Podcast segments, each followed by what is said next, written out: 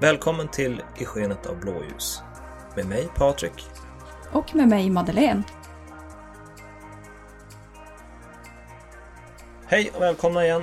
Nu sitter vi här igen eh, och är sjukt peppade på ett nytt avsnitt. Eh, och i dagens avsnitt då kommer vi lyfta och eh, prata om hur man går tillväga för att bli deltidsbrandman. Men först så ska vi väl bara kolla av hur veckan har varit för Madde. Vad säger du?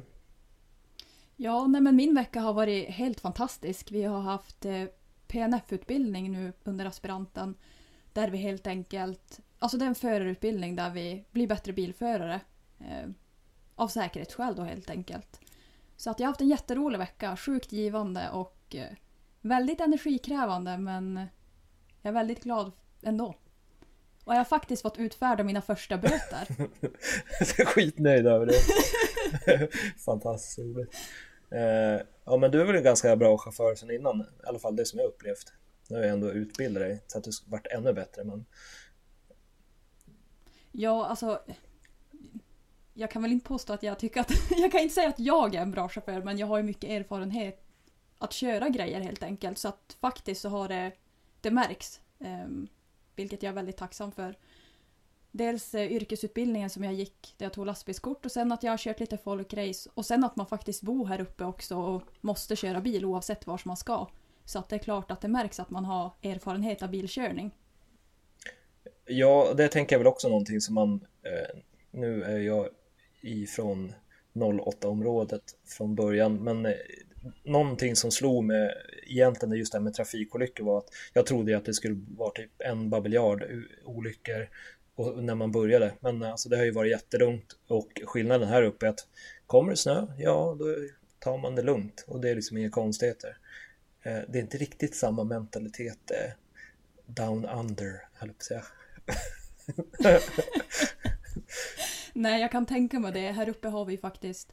Ja, men man vet hur man ska förbereda sig på ett annat sätt tror jag. Man, man vet vad som kommer varje vinter så att man är förberedd på ett annat sätt. Men eh, hur har din vecka varit då Patrik? Ehm, den har varit bra. Jag håller på, eh, har ju varit på skolan, eh, kört igång. Nu som sagt restriktionerna släppte ju så att eh, nu har vi kunnat börja gasa igång utbildningen igen som den ska vara. Eh, Sen så har jag väl varit iväg på diverse äventyr. Jag var och kollade på det här vintersimmet i Skellefteå i helgen. Det var rätt spännande att se. Och där var också rätt stört att se. Eh, det är som att covid aldrig har funnits. För att det var sjukt mycket folk precis överallt. Men samtidigt, ja, det, det känns lite bisarrt att stå i ett folkhav igen och bara Ja, eh, hålla avstånd, hur var det med det nu egentligen? Men det, nu är det så. Eh, och det, det är roligt och det är liksom man märkte av det var en typ en folkfest så att jag tyckte det var skitkul att kolla på. Eh, sen så avslutar vi såklart med att vara på det stora fräsiga stället MC Donalds som barnen uppskattade extremt mycket. Jag kan tänka mig att de uppskattar det lite mer än vad du gjorde kanske. Eh, lite så kan det ha varit men ja, vad gör man inte. Så min vecka den har varit bra ändå. Jag klagar absolut inte. Ja, men vad härligt att höra. Då låter det som att vi båda har haft eh, väldigt bra veckor. Så här kommer det vara varje vecka. Vi kommer ha toppenveckor hela tiden. Ja, men det är bra. Då har vi mycket att dela med oss av till våra poddlyssnare. Exakt. Men eh, för att komma tillbaka på det som den här podden faktiskt ska handla om, vägen till att bli deltidsbrandman. Eh, vad skulle du säga är första steget Patrik för att ja, men komma in i det här yrket? Först och främst så ska man väl absolut ha ett intresse för det här och känna att, så här, att det här vill jag verkligen hålla på med. Eh, eller börja testa i alla fall. Eh, sen så kan man ju som inte säga hur man ska agera och eh, reagera sen när man väl börjar med. Men eh, första steget skulle jag då säga att eh, om det nu inte finns en annons ute, för det kan ju vara så i, i kommuner att de söker nya brandmän. Eh, finns det inga sådana annonser ute, ta kontakt men med den lokala räddningstjänsten. Och så frågar man och så säger man att ja, men jag är intresserad av att börja som deltidsbrandman och så börjar man i den änden så att säga. Ja, jag vet inte. För mig var det så att jag sökte via en annons som de hade ute. Hur gick det till för dig? Uh, nej men för mig så vart det Jag eh, spelar innebandy med ett gäng, gubbandyn som eh, det kallades för och gör det även idag. uh, där så han som var räddningschef då frågade om jag var men ska du inte börja? Är du inte sugen att börja? Jag gissar att de, och det är ju så, man försöker ju rekrytera folk. Uh, och eh, som, som jag sa tidigare i avsnittet, jag hade så svårt att se att jag skulle få, få ihop det men eh, ja, det började i alla fall där. Han eh, pratade med mig där och frågade om jag ville vara sugen. Jag for ner på stationen och så känner jag men jag, jag, jag, jag ger en chans och prövar. Eh, och sen var det jag och nu ska vi se hur många vi var. Jag tror vi var fyra eller fyra stycken härifrån som började då. Nej, fyra eller fem. Ja, fyra eller fem stycken var vi. Eh, och eh, så kom vi in på någonting som kallas för eh, preparandutbildningen. Ja, det är egentligen den som man börjar med. Men innan dess så är det ju faktiskt för att ens kunna bli brandman så är det vissa grundförutsättningar som man faktiskt behöver uppfylla för att kunna söka. Och bland annat så är det väl att man ska vara 18 år och sen att man ska vara frisk, god kondition, simkunnig och inte höjdrädd för vi kan ju faktiskt vara uppe på en hel del höga höjder. Eh, och sen att gilla lagarbete också för att det är ju verkligen Absolut. det, är det det handlar om. Utan man löser liksom uppgifterna tillsammans. Ja, verkligen. Det gör man ju. Och som sagt, när man har, när man har jobbat ihop ett sammansvetsat lag, eh, ett gäng som det är skitroligt att vara när, när allting flyter på. Man behöver som inte prata med varandra utan det, som, det flyter ihop och bara man, man gör jobbet så att säga. Ja, den upplevelsen fick ju faktiskt jag när jag kom in i ja, men grupp två, den gruppen som jag var i, eh, där även du var med. Jag tyckte att vi var ett otroligt sammansvetsat eh, lag där kan man säga. Jo, men alltså det är det. Jag, vår grupp är awesome! nej, nej, men alla grupper är jättebra. Men alltså vi, vi, kommer, vi kompletterar varandra jättebra vi som är i, i den gruppen. Och eh, jag trivs skitbra i, i, där. Jag, jag är bara sur att du, du, du försvann därifrån. ja, jag gjorde ju tyvärr det och jag, alltså jag längtar ofta tillbaka men eh, nu får jag ju känna lite på det här lagspelet igen när jag kom in i polisvärlden så att eh, det ska bli spännande.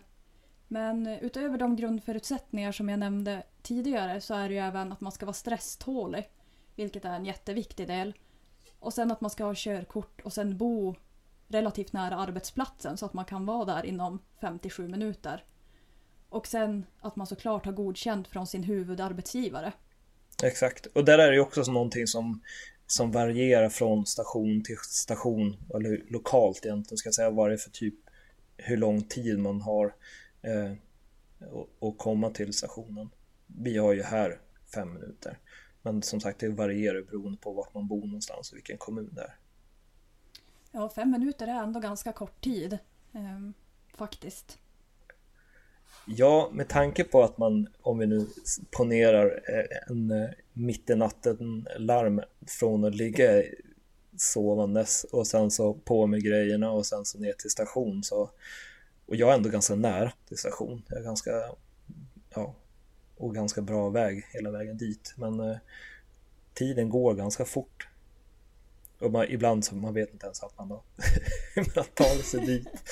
man har inte alla grejer på sig eller är otroligt. Ja, men det är special. Ja, ja jag, jag, känner igen det där. Jag minns att där i början så hade jag så här. Jag sov i mitt underställ som man ska ha på sig under själva brandstället. För att jag skulle spara tid så jag var bara på med det direkt larmet gick. Och sen minns jag, jag bodde i lägenhet på den tiden. Så att jag hade massa trappor ner till garaget. Så jag vrickade ju halvvärst foten också när jag var på väg ner där. Ja, herregud. Just, ja, just det. Du hade garage där, så var det ja. Och du hade även sport, eh, din lilla sporthund som ville med? Ja, alltså Jag, jag vet att du berättat om det flera gånger. Ja, alltså Harry är ju då en fransk bulldog för er som inte känner till det. Och eh, han lärde sig ju ganska snabbt att när det pep i larmdosan så stack ju jag på en gång. Så att det var mer än en gång han, eh, han hakade på och en gång så klämde jag han faktiskt i dörren, stackarn. Ja, jag, jag kommer ihåg, ja det där har man ju hört flera gånger. Vi har ju även en annan kollega i våran, eh, vårat lag och som sagt de verkar, de, de lär sig djuren när det piper, då är det full sula på dem också. Och det är väl inte så konstigt egentligen om Matte eller Husse ligger helt avslappnade i soffan och bläddrar i telefonen så pan panikpiper och sen så på typ ja, fem sekunder är man utanför dörren. Det är klart det händer. De blir förvånade över vad som händer. Ja, de, blir ju, de reagerar ungefär på samma sätt som en själv. De flyger upp i soffan. Ehm, Ja, jag tror jag har haft min, min äldre far här eh, och besökte nå- någon gång när jag och eh, en, en annan i vårt, i mitt lag, eller vårt lag, grupp två, eh, var här. Vi satt och drack kaffe och så pep det dosan både. Vi hade jour och jag vet inte, det tog väl antagligen inte mer än kanske 6-7 sekunder så var vi utanför dörren och så var det klart. Och han sa när, när vi kom tillbaka, i helvete vad det for fort det där. Sen, ja. Jag tyckte det var så... Och jag, man tänker inte på det själv, men det är alltså, såklart om någon annan ser en. Och jag, det där har ju hänt när man, får typ en larm när man var ute och käka. Alltså det blir ju verkligen, man släpper allt och sen far man bara. Jo men det är ju verkligen så. Jag vet duschningen när man har långt hår och är tjej. Det var ju problematiskt när man hade jour. Man fick ju verkligen planera eh, vilken tid man ställde sig i duschen och hur man så snabbt som möjligt skulle få det där överstökat. För att blött hår och minus 30 och ett larm är inte jätteoptimal kombination kan jag säga. Nej, nej, nej, har inte jag den problematiken, men jag kan tänka mig att det är lite, det är lite samma, att det är lite halvmäckigt. Såklart. Jag tror att jag, det var också så här, men återigen, i början, man är ju ganska eh, på tårna och jag hade ju också mina lakläder Alltså det, alltså, ungefär som när man, man tänker de här gamla eh, nakna pistolen-filmerna de ritade ut eh, de här gubbarna på golvet. Så låg kläderna typ på golvet så att man mer eller mindre såhär, ja, ta det här, strumpor, allting, allting gick i köp, köp fart. Ja men man vill ju, alltså när larmet går så vill man ju vara redo för att man vet ju att när ett larm går så är det ju förmodligen ett liv det handlar om. Eller en eh, byggnad eller vad som helst. Är ju någonting liksom som ska räddas. Så att eh, man vill ju vara snabb iväg, så är det ju. Eh, utöver det som vi nämnde tidigare så har vi ju även lite tester som vi måste genomföra för att se ifall man blir ja, men antagen helt enkelt. Vad tyckte du om testerna Patrik? Eh, nej men de var... Det är, det är väl egentligen, det som är jobbigt är ju, vad heter det, rullbandet. Den, den tar ju faktiskt lite grann. Och framförallt om man är ovan, om man inte prövat den förut så då känns det, det gör det. Eh, sen så hade vi simtest här också, vilket jag tyckte var... Det är också, alltså... Det är lite som, åter, det är som, eh, vad heter det, rullbandet. Det är lite svårt när man inte har någon koll på vad man, vad man ska simma i för fart i alla fall. Jag kände, tyckte att det var det, men det är inga konstigheter när man väl har, man är där och så kör man faktiskt. Och som sagt, är man lite tränad, då är det inga Om vi går tillbaka till rullbandet. Vad skulle du säga är tyngst där? Alltså själva rullbandet går ju till så här att man, det är ju ett moment när man ska gå då i eh, full utrustning och sen så har då eh, tuber på ryggen Eh, och eh, hjälm och så handskar. Ja men det blir som ja, full utrustning. Och eh, då ska man gå på det här bandet i, och det lagkravet är att man ska kunna gå i 4,5 km kilometer i timmen på det här bandet. De flesta när man börjar så vill man att man ska kunna gå i 5,6 kilometer i timmen. Så det är hastigheten och då går man man går i någon sån här uppvärmnings minut först eh, och då är det på två graders slutning. i ja, en minut. Sen så är det, går det upp till 4 graders slutning i en minut. Och sen så går det upp till 8 graders slutning i 6 minuter. Och eh, som sagt, på slutet av de här 6 minuterna då, eh, då, då, känns det riktigt mycket. Men som sagt, det är åter från person till person. Men jag kände ganska mycket i, i vaderna när jag kör. Sen så tror jag att är, man får ju köra i vanliga alltså gympaskor. Så att, eh, eller liksom springskor, de, de som tränar i så att säga. Så att, men eh, ja, det, det tar. Ja, absolut. Och sen definitivt. blir det ju lite speciellt när man har på sig all utrustning. För att värmen har ju som ingenstans att ta vägen. Så att kroppen påverkas ju lite på ett annat sätt. Eh, jag brukar tänka mycket på andningen och sen hade jag taktiken att jag körde en viss låt som jag blev peppad av när jag körde det där testet. Och sen av vikten totalt på grejerna vi har på oss är väl cirka 25 kilo om jag minns rätt. Så man kan ju säga att det är ungefär hälften av min kroppsvikt som jag ska bära med mig på under testet. Så att absolut, det var tungt det var det men genomförbart. Ja, och som sagt, som, ja, tränar man så är det inte. Nej, alltså tränar man och håller igång, absolut, då är det inga konstigheter. Sen, som du sa, simningen är ju lite speciell. Jag simmar inte speciellt ofta privat. Så att eh, där handlar det kanske också lite grann om teknik. Att man eh, innan man, man ska dyka ner och hämta en docka också. Och där skulle jag säga att ett tips är att man saktar ner ordentligt innan så att man hämtar andan lite grann innan man ska dyka ner. Där tycker jag att man sparar mycket. Jag själv har lite problem att vara under vatten. Jag får kämpa lite grann mentalt med det men det går också på lite tjurskalle. Alltså där, där gjorde jag just det där som du säger att man kanske ska sakta ner lite grann och typ ta en andetag. Eh, jag körde sen, nej men det här går ju, här går ju ingen fara här. Och så dök jag ner och sen när man väl började komma ner så oj oj oj. Men eh, ja, det gick ju bra ändå och jag kom upp med dockan så att ja.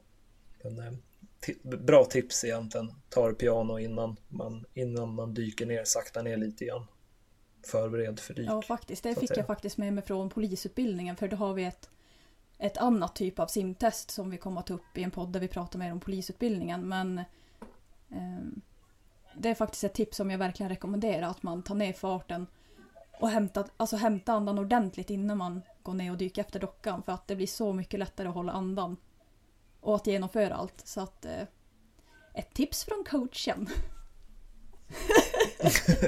Ett bra tips.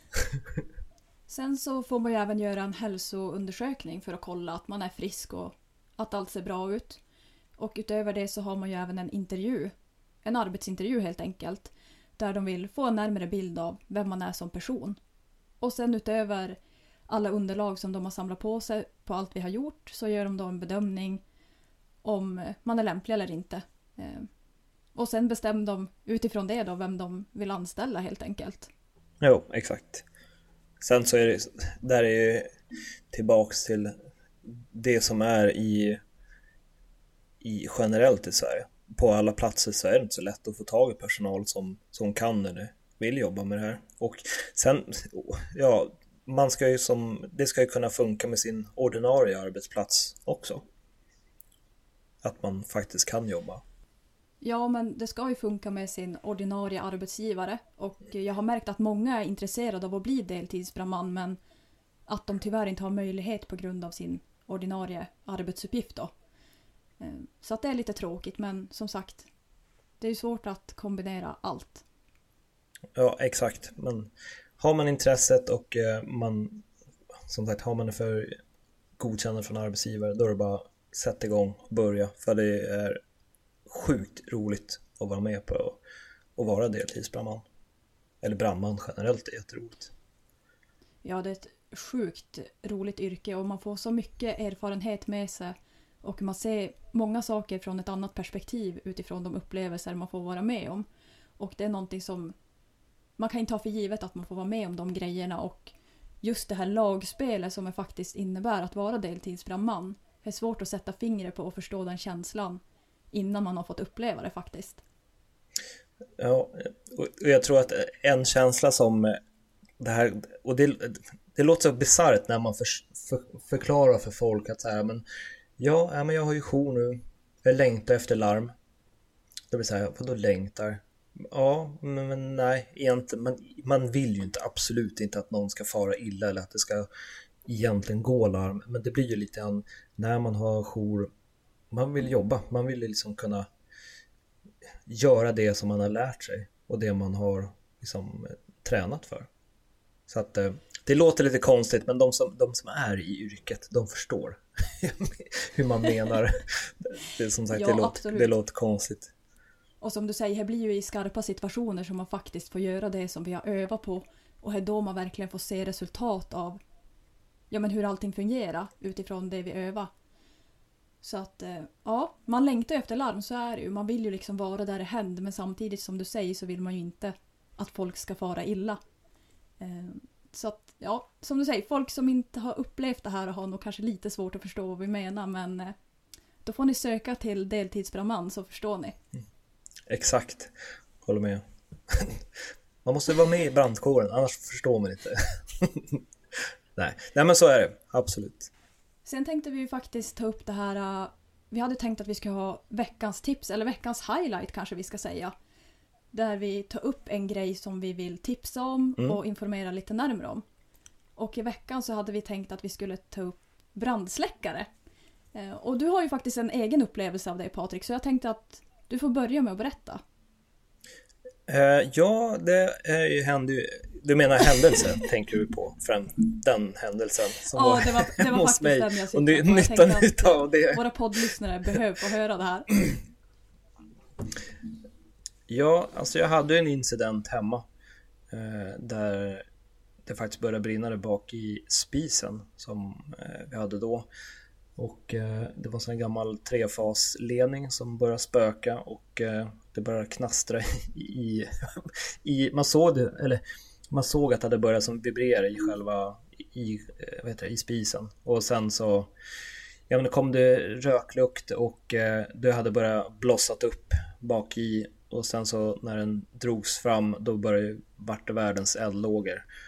Och då hade jag då en, eh, en två släckare, en pulversläckare i anslutning till köket och egentligen typ kanske någon meter från spisen. Eh, och eh, så lyckades vi släcka elda med den, hjälp utav den. Det som man får, det som blir med en pulversläckare, men det är ju värt det alla dagar i veckan. Eh, det här var bara en två kilo släckare, men jag tror vi fick eh, vart en sanering i fyra dagar var de här och sanera. Men som sagt, hade hela huset hade ju kunnat brunna ner så att det är en, det är en billig försäkring att ha en brandsläckare hemma. Och som sagt, jag har tre stycken hemma. Nu har jag ju ett tvåvåningshus så att jag har en, en på varje våning i alla fall. Två nere. En, en anslutning till köket. Ja, och kring det där så tänker jag ofta att man är ju lite skapt sådär att nej men det där hände inte mig. Men det kan ju faktiskt hända en själv och då är det jäkligt skönt att ha en brandsläckare nära till hands. För som du säger, om du inte hade haft någon hemma då hade ju det kunnat sprida sig betydligt längre. Och fått ännu större konsekvenser. Och speciellt när det handlar om liv också. Ja, och skulle man inte ha en brandsläckare hemma, eh, men tipset från oss är definitivt fixa en brandsläckare. De går att köpa nästan överallt. Eh, ring 112 så kommer vi från räddningstjänsten. Ja, absolut. Och sen det finns ju lite olika storlekar också. Ja, Ehm, vad skulle du rekommendera Patrik? den vanligaste standard skulle jag säga en 6 kilos släckare. Den kommer man ganska långt med. Eh, så att en, en 6 kilos funkar väldigt bra. Och så att jag hade, nu har jag fler, så att en 2 kilos in i köket funkar jättebra. Som sagt, och det just det här med varför 2 kilo, 6 kilo. Eh, det finns ju 12 kilo sådana som vi har i våra bilar på stationen. Och det har ju liksom egent- egentligen bara med mängden pulver som man har i dem. De räcker längre. Ja, och sen är det ju lite andra saker man ska tänka på. Har man en brandsläckare som har stått länge så är det ju att man ska vända på den ibland. För att liksom röra om det som är i. För att den ska fungera när det väl är dags. Jo, exakt. Och det tror jag inte, det, det vet inte alla att man faktiskt ska göra. Och det, det är ganska enkelt, man vänder den upp och ner typ en gång i månaden. vända upp och ner en gång just för att det här pulvret inte ska fastna i botten utan det hela tiden är som löst. Ja, det där var någonting som jag absolut inte kände till innan jag började på räddningstjänsten. Så att, eh, väl värt att upprepa så att fler folk faktiskt tar åt sig öronen och gör det här. Exakt. Det är ett bra tips skulle jag säga. Veckans tips. Det finns ju lite olika brandsläckare men den vanligaste är ju faktiskt pulversläckaren och det är ju den vi egentligen skulle rekommendera. Och i, som sagt, nu är vi, börjar vi närma oss eh, slutet igen. Tiden har gått ganska fort, men eh, nu har vi kommit in lite grann i, i början på vägen till att bli en deltidsbrandman. Eh, inför kommande avsnitt nästa vecka, eller när, när det blir, jag ska inte säga nästa vecka, men nästa avsnitt, då ska vi försöka gå in lite mer på eh, vad händer när man har blivit antagen? Preparandutbildning, GIB-utbildning, larm. Vad händer? Så tack för den här gången så hoppas vi att vi hörs förhoppningsvis nästa vecka igen. Helt klart. Och vi vill tacka alla er som har lyssnat på I skenet av blåljus med mig Patrik. Och med mig Madeleine.